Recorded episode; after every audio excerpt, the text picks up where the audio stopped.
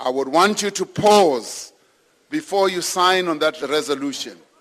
Pause, kancane, comrade. Pause just for a minute.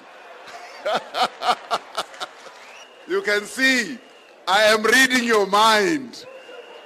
I know where you want to go. But I'm saying pause for a minute and ask yourself, are we better off united or divided?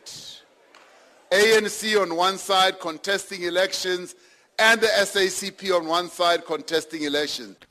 Volgens Ramaphosa sal 'n skeuring nie tot voordeel van die alliansie se lede wees nie.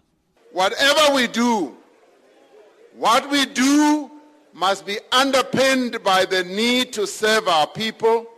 It must be underpinned first and foremost by how we are going to advance the interests of the working class and the poor.